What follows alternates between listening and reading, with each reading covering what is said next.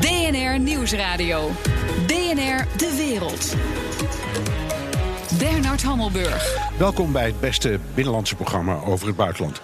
We nemen op tijdens de Global Entrepreneurship Summit in Den Haag. Dus dit keer niet live.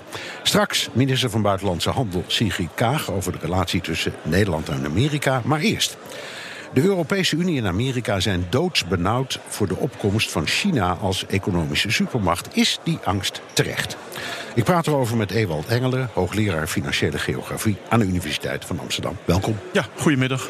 Uh, aparte sfeer hier. Ja, heel internationaal. Ja. ja. Um, China speelt vals. Dat zegt Trump, dat zeggen eigenlijk ook de meeste reg Europese regeringsleiders. Is het waar? Uh, dan gaat het waarschijnlijk vooral over het schenden van eigendomsrechten en dat soort grappen. Um, een van de dingen die opvallen als je kijkt naar de geschiedenis van het kapitalisme, dan moet je constateren dat heel veel laatkomers in industrialisatie allemaal vals gespeeld hebben. Uh, Philips heeft ook het patentrecht aan het begin van de 20e eeuw met de voeten getreden. En dat geldt eigenlijk ook voor uh, heel veel Amerikaanse ondernemingen. Dus wat dat betreft is het een beetje meten met twee maten.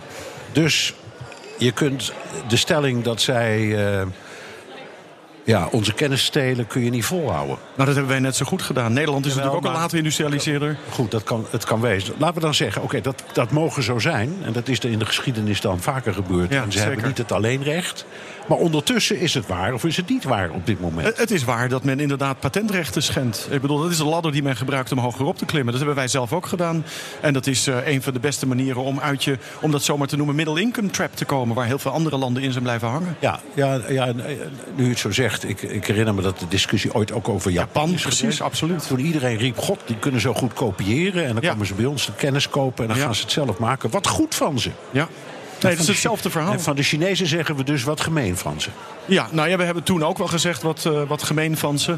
Want ik kan me herinneren uit het midden van de jaren negentig... dat met name de Amerikanen zich ontzettend zorgen maakten over het feit dat Japanners...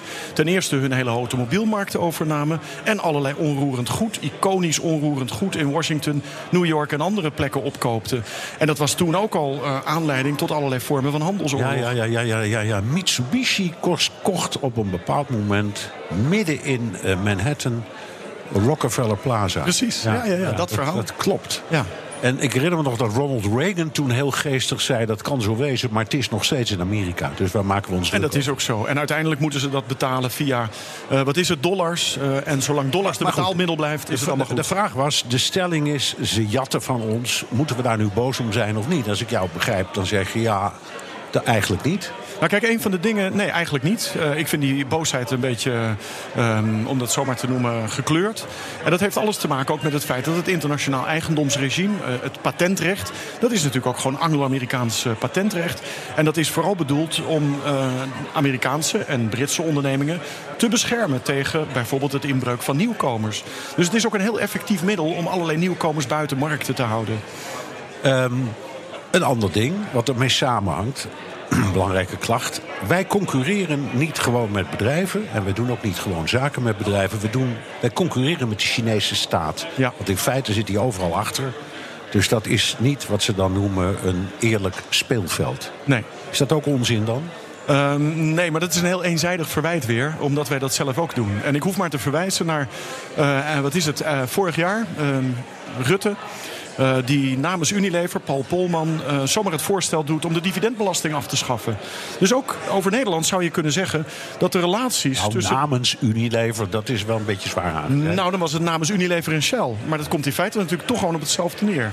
De relaties tussen de economische elite en de politieke elite zijn ook in Nederland ontzettend hecht. En dat is in de Verenigde Staten niet anders. Nee, goed, dus maar de. Chinezen bouwen een complete stad.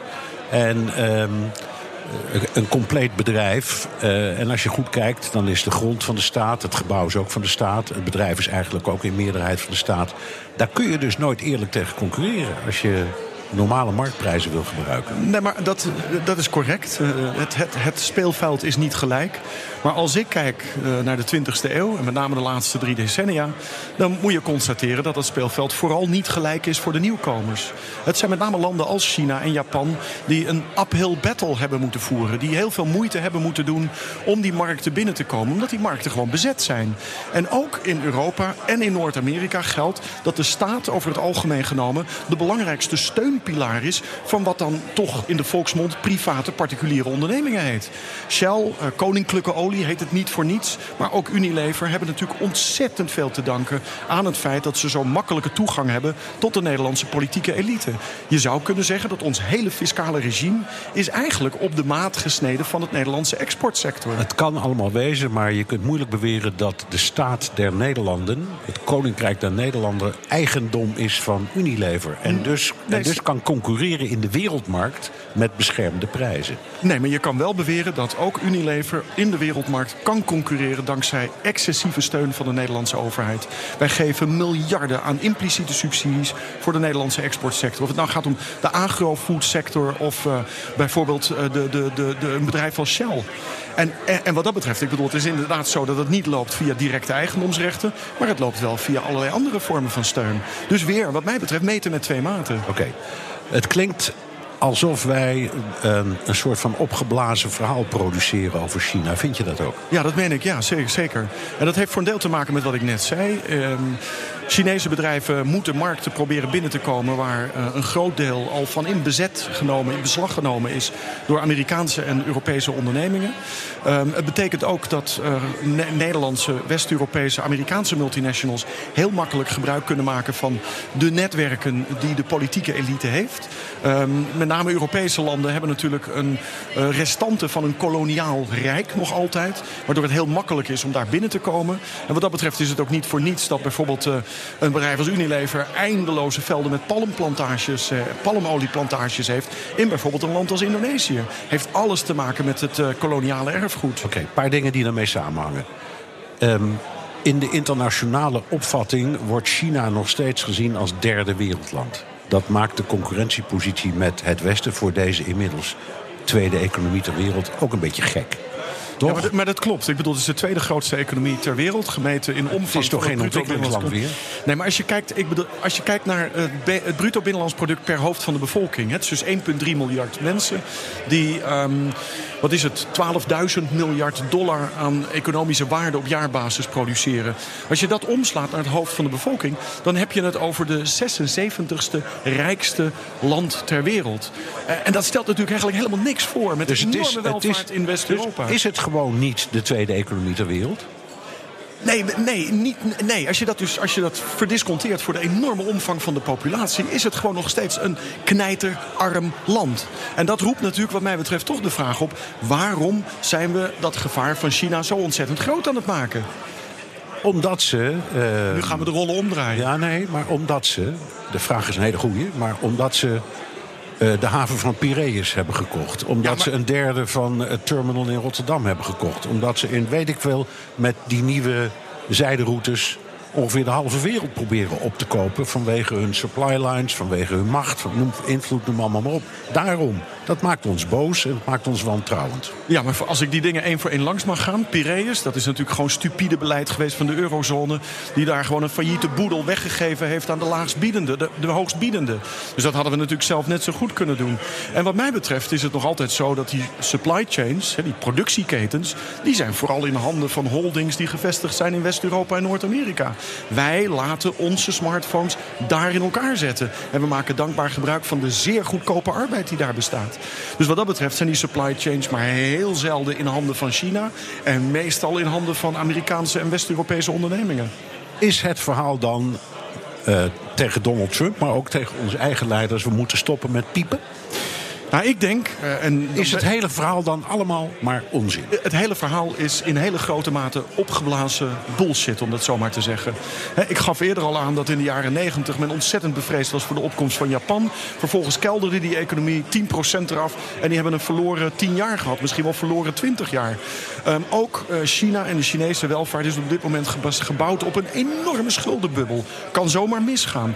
En de vraag die ik net ook al stelde, waarom maken we dit zo groot? Waarom maken we dit zo groot? Nou, nou, om. Volgens, ja, volgens mij heeft dat in hele belangrijke mate te maken dat we graag, of in ieder geval een deel van de Europese uh, elite wil de stap zetten naar verdere Europese integratie. En die maakt dankbaar gebruik van een opgeblazen gevaar, een opgeblazen Chinese gevaar, omdat we eigenlijk geen positieve verhalen meer voor, voor Europa hebben. We hebben alleen nog maar negatieve verhalen. Als Europa niet de koppen bij elkaar steekt, dan delven we het onderzit spit in de handelsoorlog tussen Trump aan de ene kant en China aan de andere kant. En Trump, die al vanaf de jaren 80, toen hij nog maar een jonge ondernemer was, met dit thema komt. Die zegt, ja, eh, als je kijkt naar de verhoudingen, dat handelstekort, dat is krankzinnig. hij heeft toch een punt? Ja, maar het, het, fascinerende, als je dus door de Verenigde Staten rondrijdt... dan zie je dat uh, pakweg 50% van het wagenpark is van Aziatische origine. Er rijdt eigenlijk nauwelijks een Europese auto. Nou, in het Middenwesten rijdt alleen maar uh, Amerikaanse auto's. Ja, dan, dan, heb je dus inderdaad 50% is Amerikaans, 50% is Aziatisch, nauwelijks Europese auto's. Maar die Aziatische auto's die komen allemaal uit Korea, Zuid-Korea en uit Japan. Die komen niet uit China. Of uit Amerika, want Toyota maakt ze gewoon in, in Amerika. Ja. Maar het blijft natuurlijk dat de waarde dan vervolgens terugvloeit naar, de, naar, naar, naar Japan. En dan, dan, dan roept, dat doet, dan, ook dat roept de vraag op waarom Trump zo ontzettend veel werk aan het maken is van met name dat Chinese gevaar. Terwijl het eigenlijk, uh, die Amerikaanse automarkt, die wordt gewoon gedomineerd door Japanse bedrijven en niet door Chinese. Dus het is zondebokstrategieën bezig, wat okay. mij betreft. Het is een uh, opmerkelijk en uh, interessant uh, idee om dat zo te horen. Dank Ewald Engelen, hoogleraar financiële geografie aan de Universiteit van Amsterdam.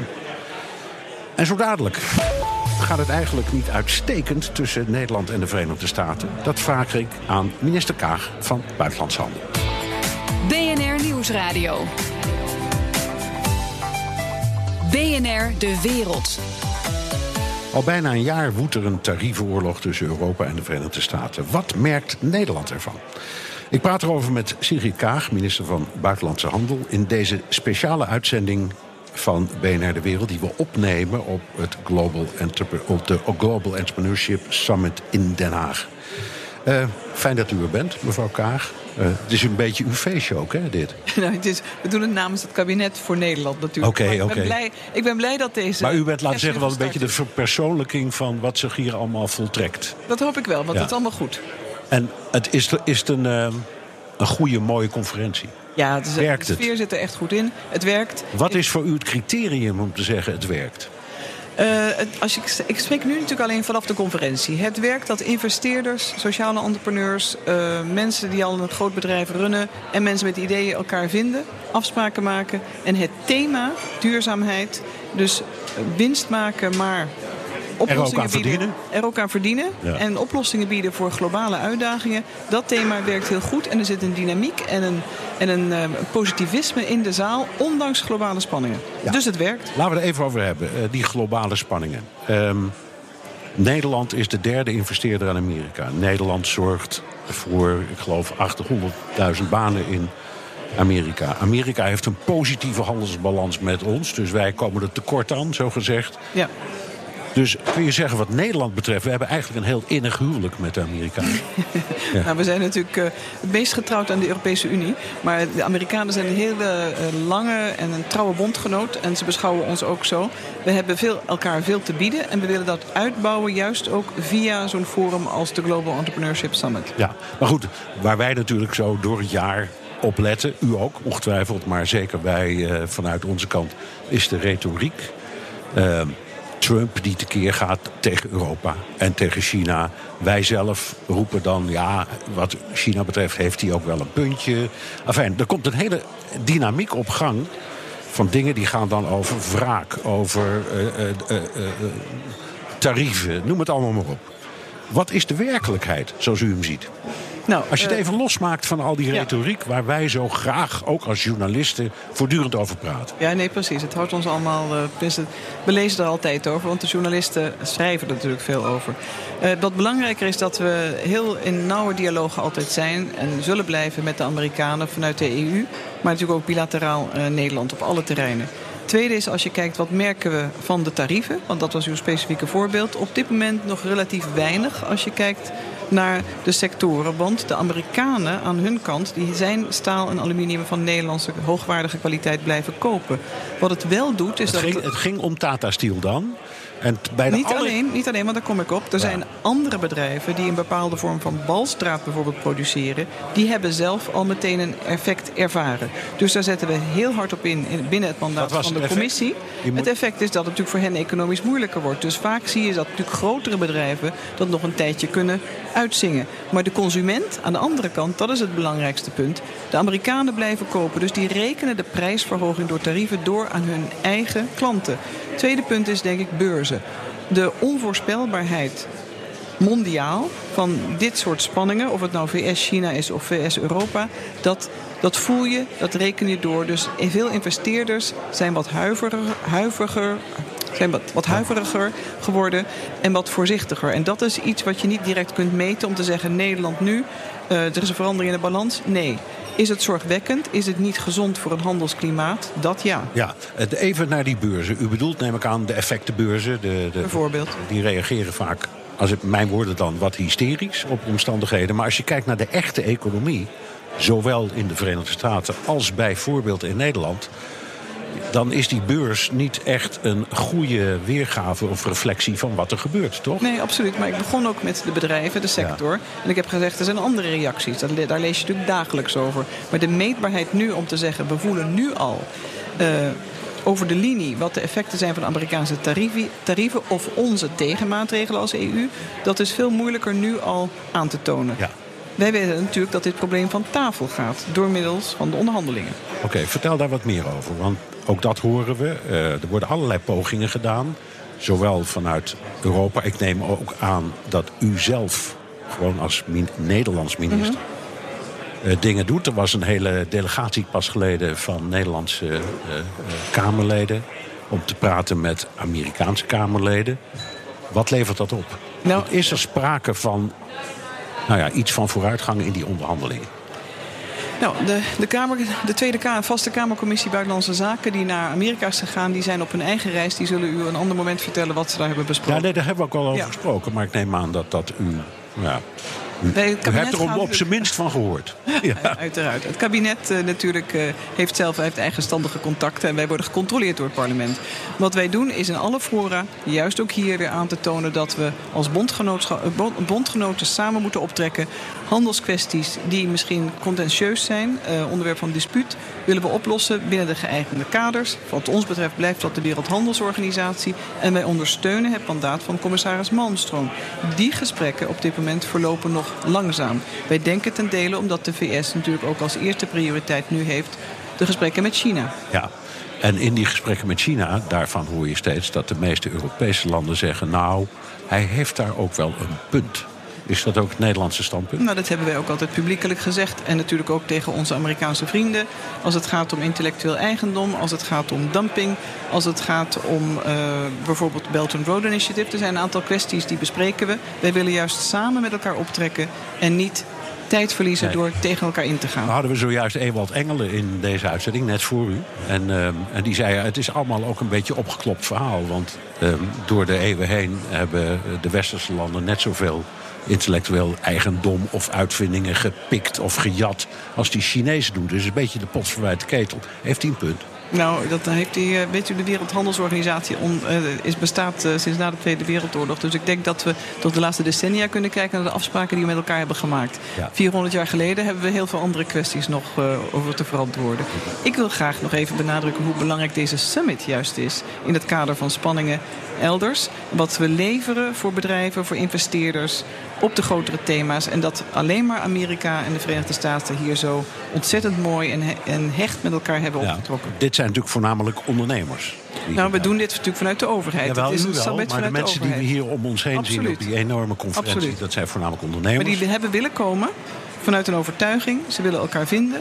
Meer dan 130 landen, 2000 aanwezigen. Dat is best wel een, eh, een kracht en een motor voor verandering, transformatie. Ook op thema's waar we niet allemaal met elkaar eens zijn. Nee, Bijvoorbeeld maar- klimaatverandering. Maar is het niet zo dat ondernemers ondernemen ondanks regeringen en zelden dankzij regeringen? Dat zou en, dat, kunnen. en dat ze dus zowel in het stimulerende beleid van bijvoorbeeld de Nederlandse regering als in het nou ja, dwarsliggerige beleid van Trump tegen elkaar zeggen: ze gaan maar hun gang maar, wij doen gewoon zaken. Nou, weet u, ik denk dat de meeste goede regeringen die willen graag een faciliterende rol spelen. We doen het soms door deuren te openen, soms door exportkredietverzekering, ondersteuning, risicoafdekking. En deze summit, of deze conferentie, zou er niet geweest zijn als Nederland niet aan uitnodiging had aanvaard van de Amerikanen om dit te doen. En ik denk dat het merendeel van de aanwezigen is daar heel blij mee. En hopelijk gaat dat ook wat opleveren voor hen in concrete zin. Ja. Banen, en investeringen. Ja, de, de, de openingsopmerkingen van Pompeo waren ook, zal maar zeggen, helemaal niet confronterend in die zin. Denkt u dan, als u dat hoort, kijk, daar praat nu de echte Amerikaanse regering. Of nee, we moeten toch uitkijken wat Trump nu weer gaat tweeten of zeggen. Of... Hoe gaat u daarmee om? ik, uh, ik heb zoveel ervaring. Ik, kijk, uh, ik zoek altijd het goede. Ik probeer het, uh, het, het wat negatievere te keren. En uiteindelijk hebben wij een lange strategische termijn inzet op de bondgenootschappelijke relatie die we hebben. En we blijven altijd in gesprek. Je moet je niet uh, laten leiden door een bericht hier en daar. Het is de regering. President Trump is de president. En wij zetten vanuit het kabinet in op een goede voortzetting van alle banden die we hebben. En als Trump eh, bijvoorbeeld zegt... ik ben eigenlijk wel een voorstander van die Boris Johnson... en die Nigel Farage vind ik ook eigenlijk een prima man. Denkt u dan niet... Sinds wanneer bemoeit uh, het staatshoofd van het ene land zich met de interne aangelegenheden van het andere land? Of denkt u, hij doet maar. Uh, ik denk dat uh, het aan de Britten is, aan de Britse regering, om hier eventueel op te reageren. Ja. Dus u gaat, u gaat ook niet zeggen: ik heb bij de volgende verkiezingen liever Biden dan Trump. Dat is helemaal niet aan ons. Het is verkiezingen in een ander land. Ik zal u zeggen uh, hoe wij ons inzetten in Nederland en waar het Nederlandse kabinet voor staat. Nu is dit, daar begonnen we over, en dat is ook het thema, een voornamelijk nou ja, zeggen, op Nederland leunend evenement.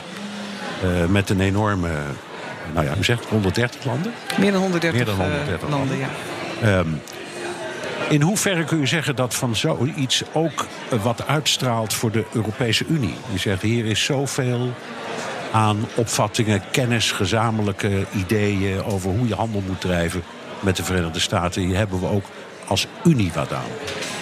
Nou, weet u, ik denk dat het gaat hier echt over de thema's. De inzet is niet hoe we handel moeten drijven met de VS. Dat is inderdaad soms een, eh, een misverstand, lijkt het wel. Dit is niet een onderhandeling over een handelsconferentie. Dit is hoe we investeringen kunnen leiden naar duurzame, voor duurzame doelstellingen die een verandering teweeg brengen in een samenleving voor burgers, waar dan ook ter wereld. Of het in een OESO-land is, EU-land of in een ontwikkelingsland. Dat zijn de thema's, dat brengt de mensen hier samen verder weg van de, de spanningen die mogelijkerwijs leven tussen EU en VS. Op sommige thema's en op andere juist helemaal niet. Deze mensen zijn bezig met de realiteit en iets teweeg te brengen op een heel internationaal vlak. Dus dat drijft hen. En ik denk echt niet dat ze bezig zijn met uh, de dagelijkse politiek. Ze zijn langer termijn en kijken wat ze kunnen achterlaten voor de volgende generatie op deze planeet. Ja. Ik wil u graag geluk wensen met uh, het succes, want dat is het volgens mij hier. Je voelt het om je heen. En heel hartelijk danken voor uh, het komen naar deze geïmproviseerde studio in een prachtige zaal op de conferentie. Nou, het ziet er entrepreneurial uit. Dank, Sigrid Kaag, minister van Buitenlandse Handel. DNR Nieuwsradio. DNR De Wereld. Bernard Hammelburg. U luistert naar een speciale uitzending van BNR De Wereld... opgenomen op de Global Entrepreneurship Summit in Den Haag. Om Donald Trump te vriend te houden moest de Europese Unie sojabonen kopen uit Amerika. En dat is precies wat de Europeanen doen. Maar of de boeren in de Amerikaanse Midwest daar beter van worden, dat is maar zeer de vraag.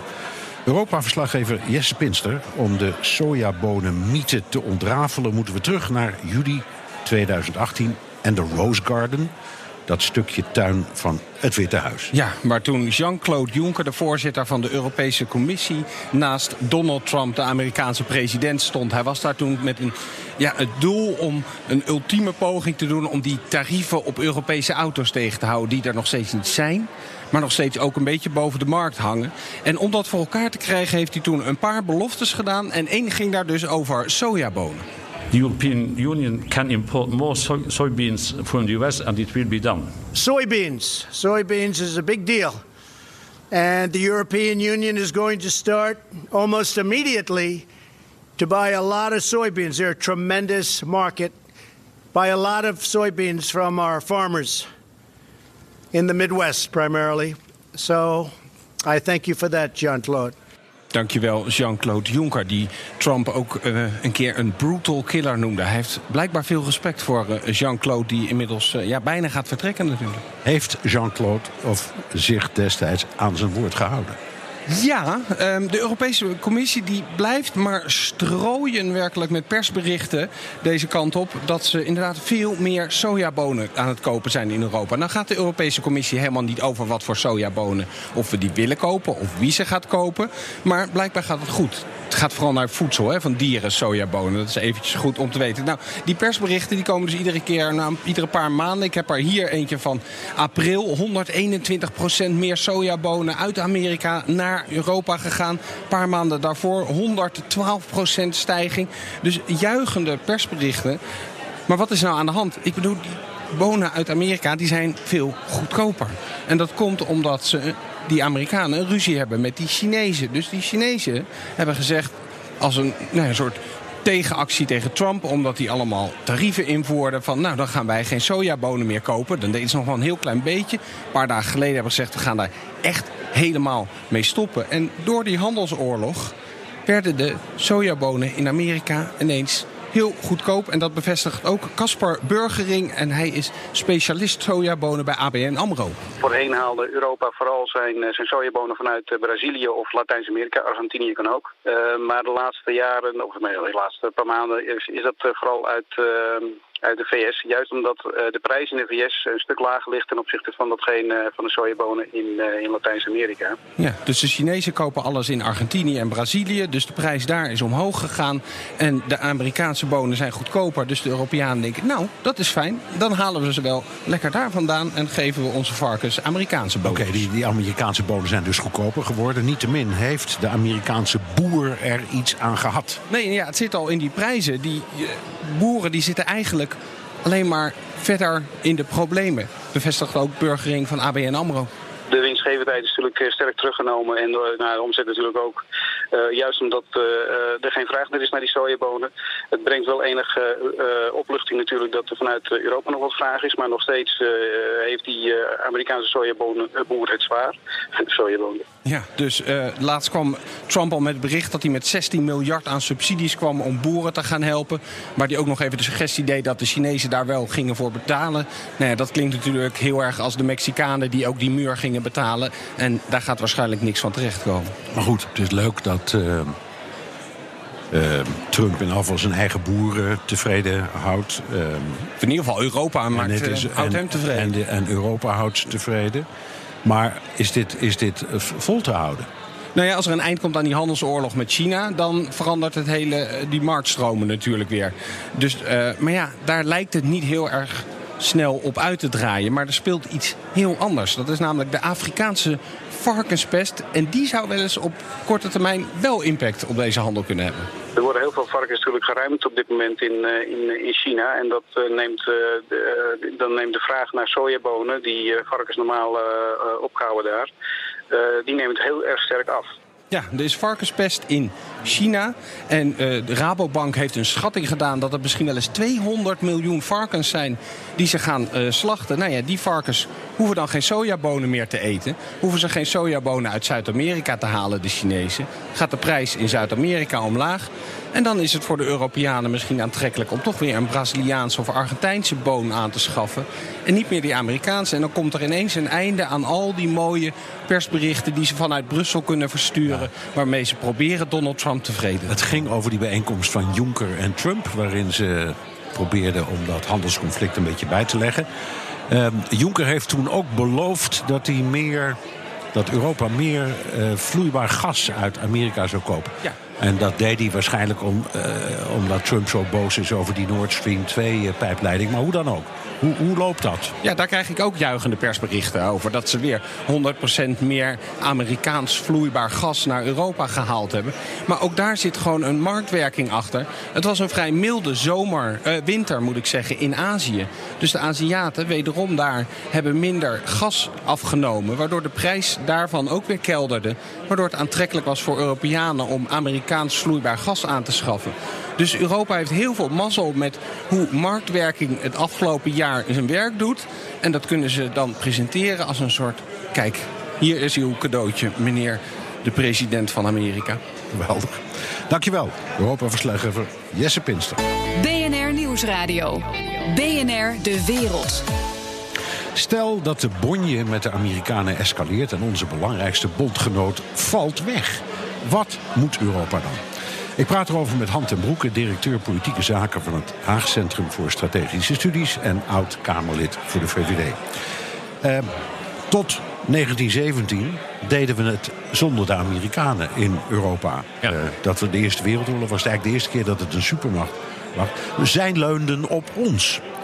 Zouden wij opnieuw zonder Amerika kunnen? Ja, is een interessante vraag. Wat we heel erg aan Trump te danken hebben... misschien is het goed om eens een keer zo te beginnen in een interview. Ik luisterde net naar je eh, gesprek met eh, Sigrid Kaag. Is dat Trump ons heel snel een soort wake-up call heeft gegeven. Grow up. Europa. Nou, we zijn een beetje een soort van verwende tiener die al wat in de, nou, misschien al wel 19 jaar is, nog op de bank bij zijn ouders onderuit gezakt eh, zit en heel snel het huis moet verlaten. Wij moeten onze eigen veiligheid eh, gaan verzorgen. Eh, we moeten misschien wat assertiever worden in de Wereldhandelsorganisatie. Ehm, we moeten anders met onze buitenlandpolitiek omgaan. En, en Trump leert ons dat. Dus eigenlijk steun je wat Piet Hoekstra ook zegt: het luie kind moet maar eens voor de bank. Ja, da- daar heeft hij een punt. En eh, had deze week een paar eh, ook wel wat mindere punten. Eh, ik geloof dat iemand hem toch nog eens moet uitleggen hoe het, ja, het wereldhandelssysteem ook in het voordeel van de Amerikanen heeft gewerkt. Zij zijn zelf de grondleggers van die multilaterale orde. Die ze op dit moment, nou ja, op zijn zachtste gezegd, ehm, eh, toch ook wel weer aanvallen of, of in ieder geval challengen. Denk aan de WTO. Eh, denk ook aan de opmerkingen die hij maakte dat, dat, dat hij beter met Nederland en met andere Europese landen in hun eentje wilde onderhandelen over handel. Dat is nog in het voordeel van de VS. Zeker niet in het voordeel van die individuele Europese landen. Ehm, maar goed, hij heeft wel absoluut een punt dat Europa meer zijn eigen broek moet ophouden. Dat geldt op veiligheidsgebied, op economisch gebied, op financieel gebied. En zeker als je die drie combineert. Ja, dan ga je geopolitiek meetellen. En deze eeuw is weer aan geopolitieke entiteiten. Net zoals voor 1917. Ja. Maar de rest Maar- moeten maar we niet als je nou even kijkt, en dat hoor je ook, laten we zeggen, de, de pro-Europese krachten, die hoor je dat ook vaak zeggen. Hmm. Wij zijn het grootste handelsblok ter wereld. Ja, maar daar moet je wel wat mee doen. Maar waarom beven we dan zo voor Donald Trump en zijn tweets? Omdat hij de combinatie heeft eh, die de winnende is. Namelijk eh, de combinatie tussen een militaire macht, economische macht... en ook gewoon hardpower durven uitoefenen. De vraag is of hij dat altijd even goed doet. Kijk, ehm, als je het heel plat analyseert... lijkt Trump een beetje de houding aan te nemen... die misschien in een New Yorkse vastgoedmarkt werkt. Dat je anderen eh, kunt boeien eh, om, een, om een handelsdeal of een vredesdeal te sluiten. Ehm, eh, daarvoor moeten we afwachten wat gaat werken. Kijk, als je nu naar China kijkt... er is een, een hoop oneenigheid tussen de VS en China... Ehm, voorlopig heeft Trump zijn belofte aan zijn eigen kiezers in de Midwest... namelijk dat hij het handelstekort zou verkleinen... en dat hij die banen zou terugbrengen, nog niet kunnen waarmaken. Sterker nog, het handelstekort is fors opgelopen. En dat komt omdat een individueel systeem waarbij iedereen voor zijn eigen gaat... ehm, uiteindelijk in het nadeel is van iedereen. Dat weten wij in Europa. Alleen wij moeten nu ook in dat ehm, eh, potje worstelen... eh, ons mannetje gaan staan. Dat hebben we nu voor een deel gedaan eh, toen Trump voor het eerst ons met staaltarieven dreigde. En dat moeten we nu gaan doen nu hij dat op andere vlakken ook lijkt, lijkt te willen. Oké, nog iets dat je dan te meer. Waarom hebben we niet onze eigen vliegdekschepen als zo'n groot blok? Waarom ehm, Omdat we is hier het standaard wapen Ja. van de krijgsmacht altijd Amerikaans? Omdat, omdat we na 1917, inderdaad 1945, eigenlijk iets unieks hebben gedaan... wat in de 21e eeuw prima kan standhouden. En dat heet de NAVO. De meest ehm, effectieve, eh, de meest succesvolle veiligheidsalliantie... die de mensheid ooit heeft gekend. Ehm, dan is een Europees vliegdekschip misschien niet direct het meest voor de hand liggend... Maar wat wel voor de hand liggend is, is dat we onze eigen buitengrenzen gaan bewaken. Dat we tegen die Amerikaanse schepen die nu bijvoorbeeld eh, van de vijfde Amerikaanse vloot voor een deel in een Spaanse haven eh, liggen, dat we zeggen die kunnen we vervangen. Dan kunnen jullie die schepen naar Zuidoost-Azië ehm, eh, of naar de Pacific terugtrekken. En wij gaan het daar zelf doen. Dat zou prima kunnen. Straks.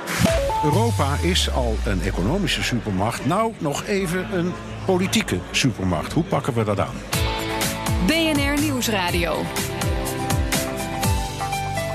BNR De Wereld. U luistert naar BNR De Wereld, dit keer opgenomen op de Global Entrepreneurship Summit in Den Haag. Economisch is Europa een supermacht, maar geopolitiek sukkelen we maar wat aan. Hoe gaan we dat veranderen? Ik praat verder met Han ten Broeke, directeur politieke zaken van het Haag Centrum voor Strategische Studies en oud-Kamerlid voor de VVD. Ehm, wat is nou het beste middel eh, om als Europa aan geopolitieke macht te winnen? Nou, laten we beginnen met waar Europa heel groot en heel krachtig is... en waar onze footprint door niemand wordt gematcht. En dat is op economisch gebied. Um, vooralsnog, hè, want we weten dat deze eeuw uiteindelijk aan China zal toebehoren... en het ligt aan ons. Maar de mensen die hier nou, als je Bas Eickhout eerder in de uitzending hoorde... is dat nog maar de vraag. Nou ja, want zegt, als je, van Engeland heb ik net ook gehoord, maar we, we kunnen twisten... sorry, ja, de Ewout Engelen, neem me niet kwalijk. Uh, ja. We kunnen twisten over het moment. En we kunnen twisten over, de, over hoe, hoe sterk China is. Dat is heel interessant. Graag een andere keer. Maar dat deze eeuw uiteindelijk aan China gaat toebehoren... is voor mij um, wel een zekerheidje. En de vraag is even, hoe komen we er zelf uit? Hoe groot is de competitie die we hen nog kunnen aandoen? Is het erg, overigens, als de wereld aan China gaat toebehoren? Ja, toch wel voor een deel. Want uh, kijk, uh, met Chinese economie komen uiteindelijk ook Chinese voorwaarden. En, en, en die bevallen ons niet, want die zullen uiteindelijk ons, onze manier van leven beïnvloeden. Oké, okay, maar nu stellen wij de voorwaarden en dan is het wel goed. Zeker. Ja, en als zij de voorwaarden stellen niet. Nou ja, we hebben in ieder geval een open model. En dat is voor de hele wereld tot nu toe gunstig geweest. En, um, en dat open model, daar kan iedereen ook, ook zijn eigen uh, zelfstandigheid maximaal in behouden. En dat heb je niet met gesloten modellen uh, waar, waar, waar dit soort landen voor zijn. Oké, okay, ik, ik, ik citeer even uit de EU-propaganda. Mm. Uh, grootste economie ter wereld. Hoogste inkomen per persoon. Grootste handelsblok ter wereld grootste producent van goederen en diensten. Grootste handelspartner van 80 landen, de VS, maar 20. Ja. Als je dat allemaal zo hoort, dan denk je, ja, maar hé. Hey, ja, zo groot. Zo en, groot zijn en, we dus, hè? En, en, en, zo weinig slagkrachtig en zo, zo, zo impotent, zou je kunnen zeggen. En dat komt omdat we inderdaad natuurlijk militair niet zoveel voorstellen. Dus wij moeten bijvoorbeeld ook doen wat Piet Hoekstra vorige week zei, namelijk, uh, we have to pay up.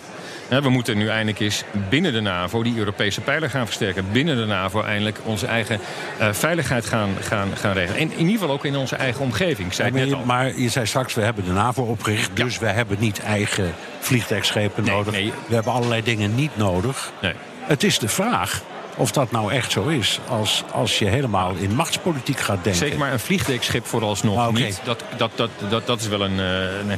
maar, maar we doen heel veel zaken. Kijk, neem bijvoorbeeld uh, de JSF, de F-35, het jachttoestel dat de F-16 gaat vervangen.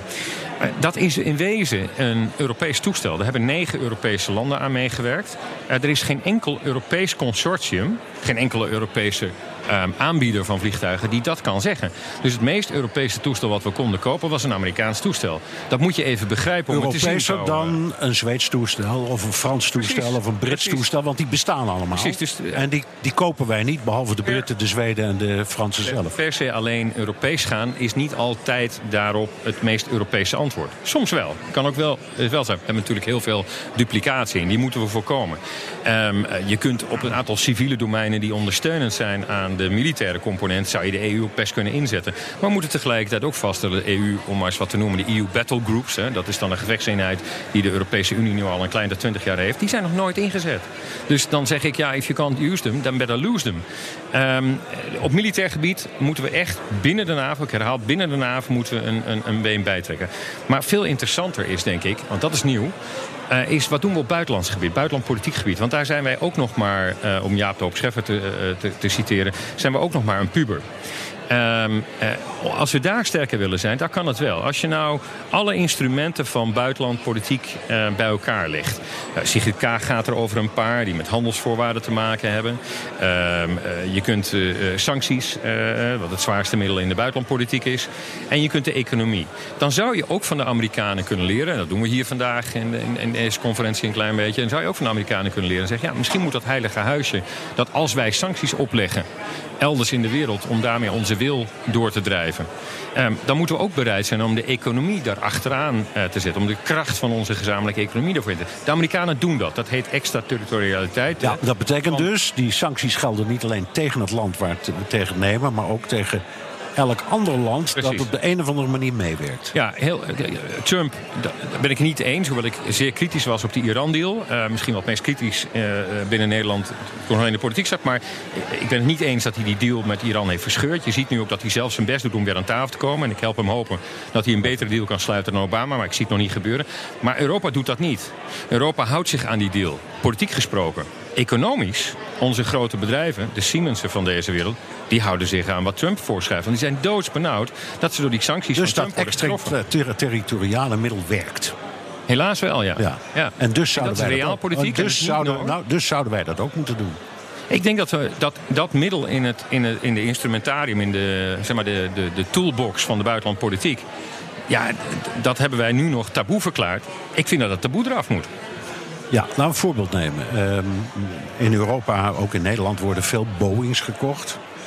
Ehm, er is ook Airbus. Ja, Ehm, zou je moeten zeggen, nou, voorlopig, we gaan gewoon helemaal inzetten alleen maar op Airbus in Europa. En Adidas in plaats van Nike. en, dan- en, en, en de NPO in plaats van Netflix. En Bolcom in plaats van Amazon. Kom op maar. ja. Ik weet niet eh, of je solliciteert naar je laatste uitzending als je hier de, de NPO eh, of de NOS. Maar goed, jullie maken allemaal natuurlijk eh, gebruik van dezelfde infrastructuur. Nou ja, BNR, in plaats, BNR durf ik niet met Netflix te vergelijken, want Oh, wij doen geen televisie. Nou, hoe, hoe het ook zij, ehm, eh, eh, industriepolitiek is iets anders dan buitenlandpolitiek waarbij je economische macht durft in te zetten. En dat laat zich niet natuurlijk met een schaartje helemaal knippen. En de Fransen zullen er iets anders over denken eh, eh, dan ik zelf of dan, dan eh, Noord-Europeanen. Maar iets van strategische autonomie, zoals we dat dan mooi noemen. En in Frankrijk is die term al heel erg beladen. En ik vind dat we die term mede moeten vormgeven en niet aan de Fransen moeten overlaten. Iets van strategische autonomie, dat je zelfstandig en in een redelijke mate van au- autonomie vanuit dit continent denkend tot je besluiten komt, daar ben ik wel voor. Oké, geef eens een voorbeeld. Laat eens zien hoe dat dan eruit zou zien. Nou ja, ehm, we hebben. ehm, kijk, 5G is op dit moment denk ik het meest hot topic. Hè? De Amerikanen maken er voortdurend ook gewacht van. Dat is hier eh, dan even niet gedaan. Het zou de ehm, relaties ook niet heel veel goed hebben gedaan. Maar alle Europese landen worstelen op dit moment met hoe om te gaan met Huawei als aanbieder van infrastructuur, eh, telecominfrastructuur. Ja, het zou goed zijn om daar toch iets meer één lijn te trekken. En daarbij bijvoorbeeld ook te denken, want zo denkt Trump ook.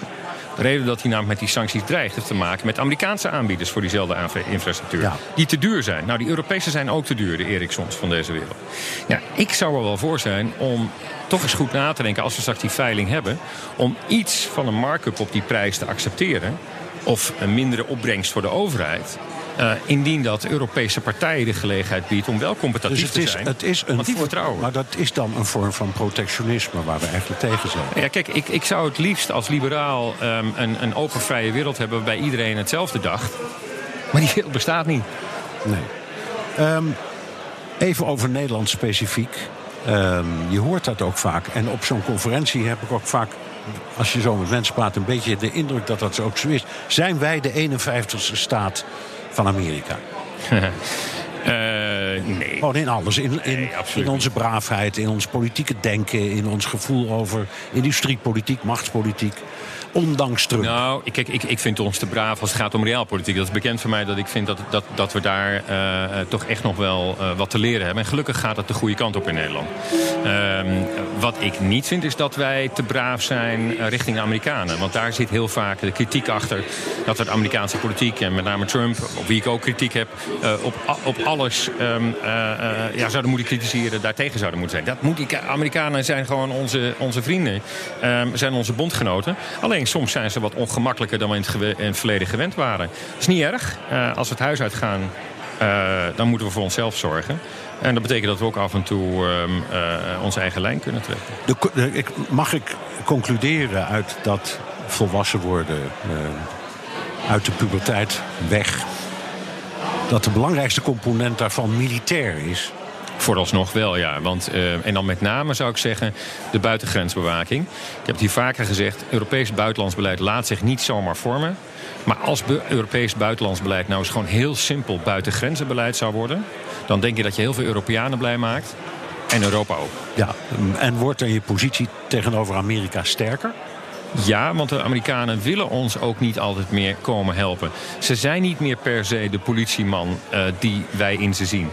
Um, in het, in het, uh, de Pax Americana rondom de Middellandse Zee bestaat al niet meer. Sinds Obama zijn de Amerikanen zich uit het Midden-Oosten aan het terugtrekken. Libië was eigenlijk ons, het, het, het, laatste kunstje. Toen hebben twee landen in Europa dachten dat we erin konden vliegen. Maar die hadden de Amerikanen elke dag nodig om überhaupt een militaire operatie op te kunnen zetten. Ja, en, en, dat soort dingen moet veranderen. Zeker. Dan ja. Heel hartelijk dank. Han ten Broeke, directeur politieke zaken van het Haag Centrum voor Strategische Studies en oud-Kamerlid voor de VVD. Het is zover BNR De Wereld. Terugluisteren kan via de site, de app, iTunes of Spotify. Tot volgende week.